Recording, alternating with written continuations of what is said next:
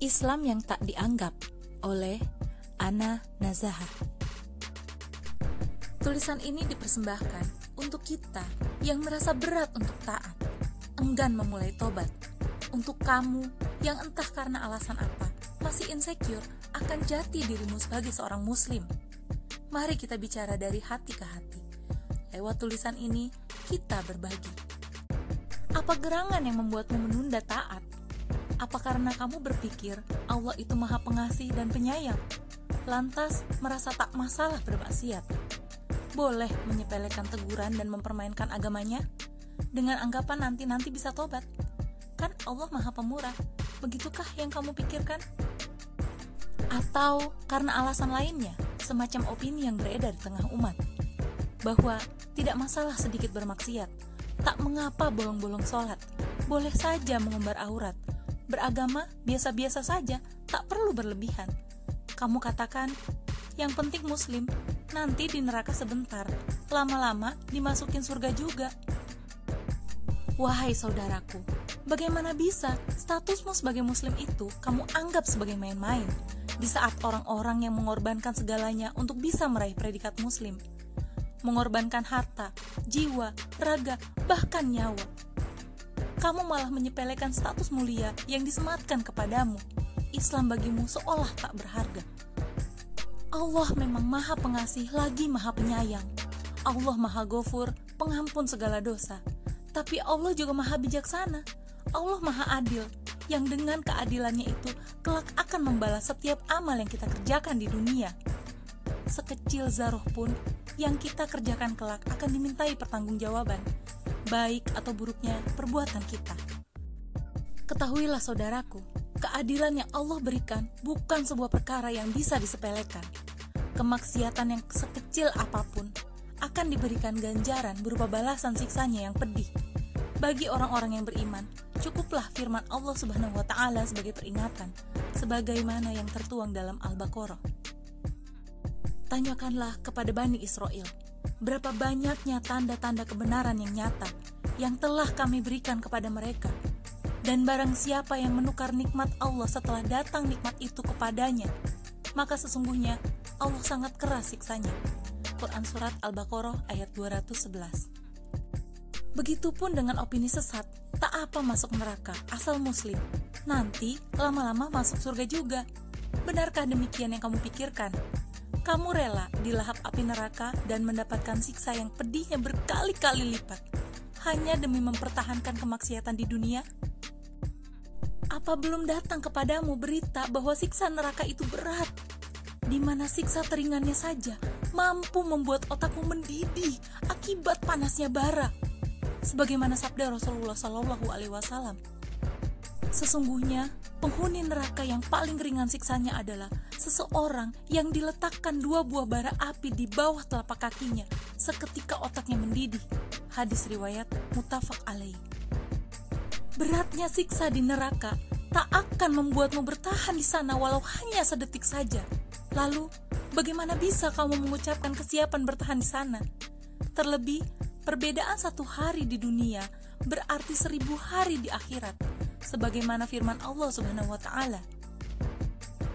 Dan mereka meminta kepadamu, Muhammad, agar azab itu disegerakan, padahal Allah tidak akan menyalahi janjinya, dan sesungguhnya sehari di sisi Tuhanmu adalah seperti seribu tahun menurut perhitunganmu.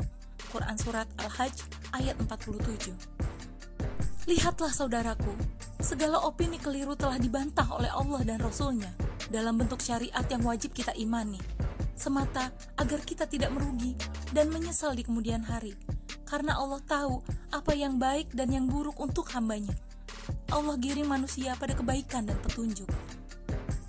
Hanya saja, sedikit sekali orang-orang yang mengambil petunjuk sebagai jalan hidupnya masih menyangka bahwa surga itu adalah tempat kembali yang siapa pun bisa menggapainya tanpa berusaha.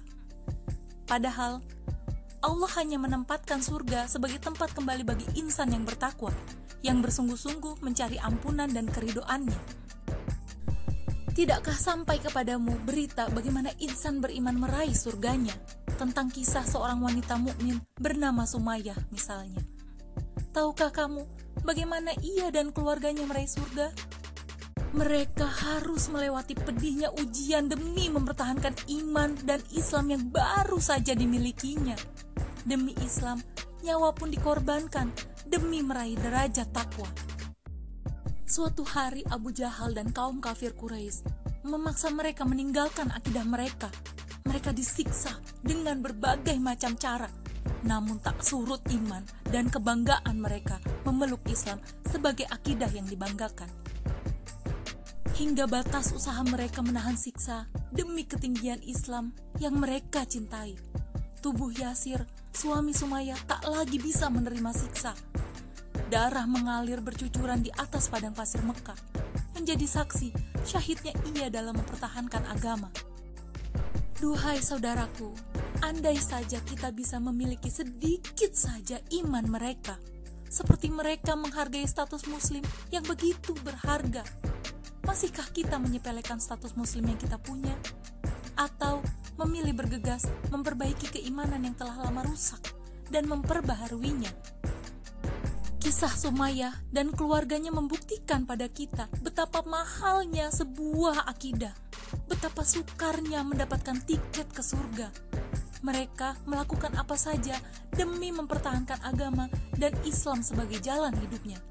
Sumayyah bahkan tidak goyah saat melihat suaminya telah syahid mendahuluinya.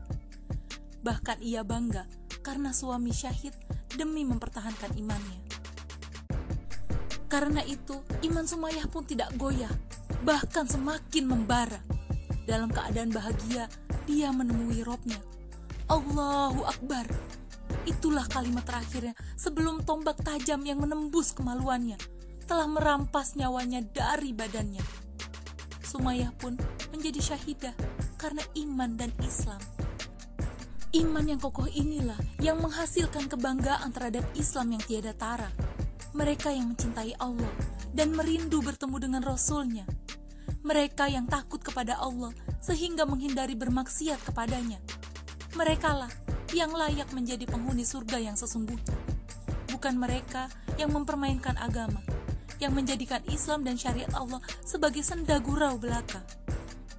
Semoga Allah merahmati kita dengan ampunan akibat dosa di masa lalu, meneguhkan iman dan keistiqomahan di jalan Islam, yang dengan Islam itu diberikan kemuliaan di dunia maupun di akhiratnya. Wallahu a'lam.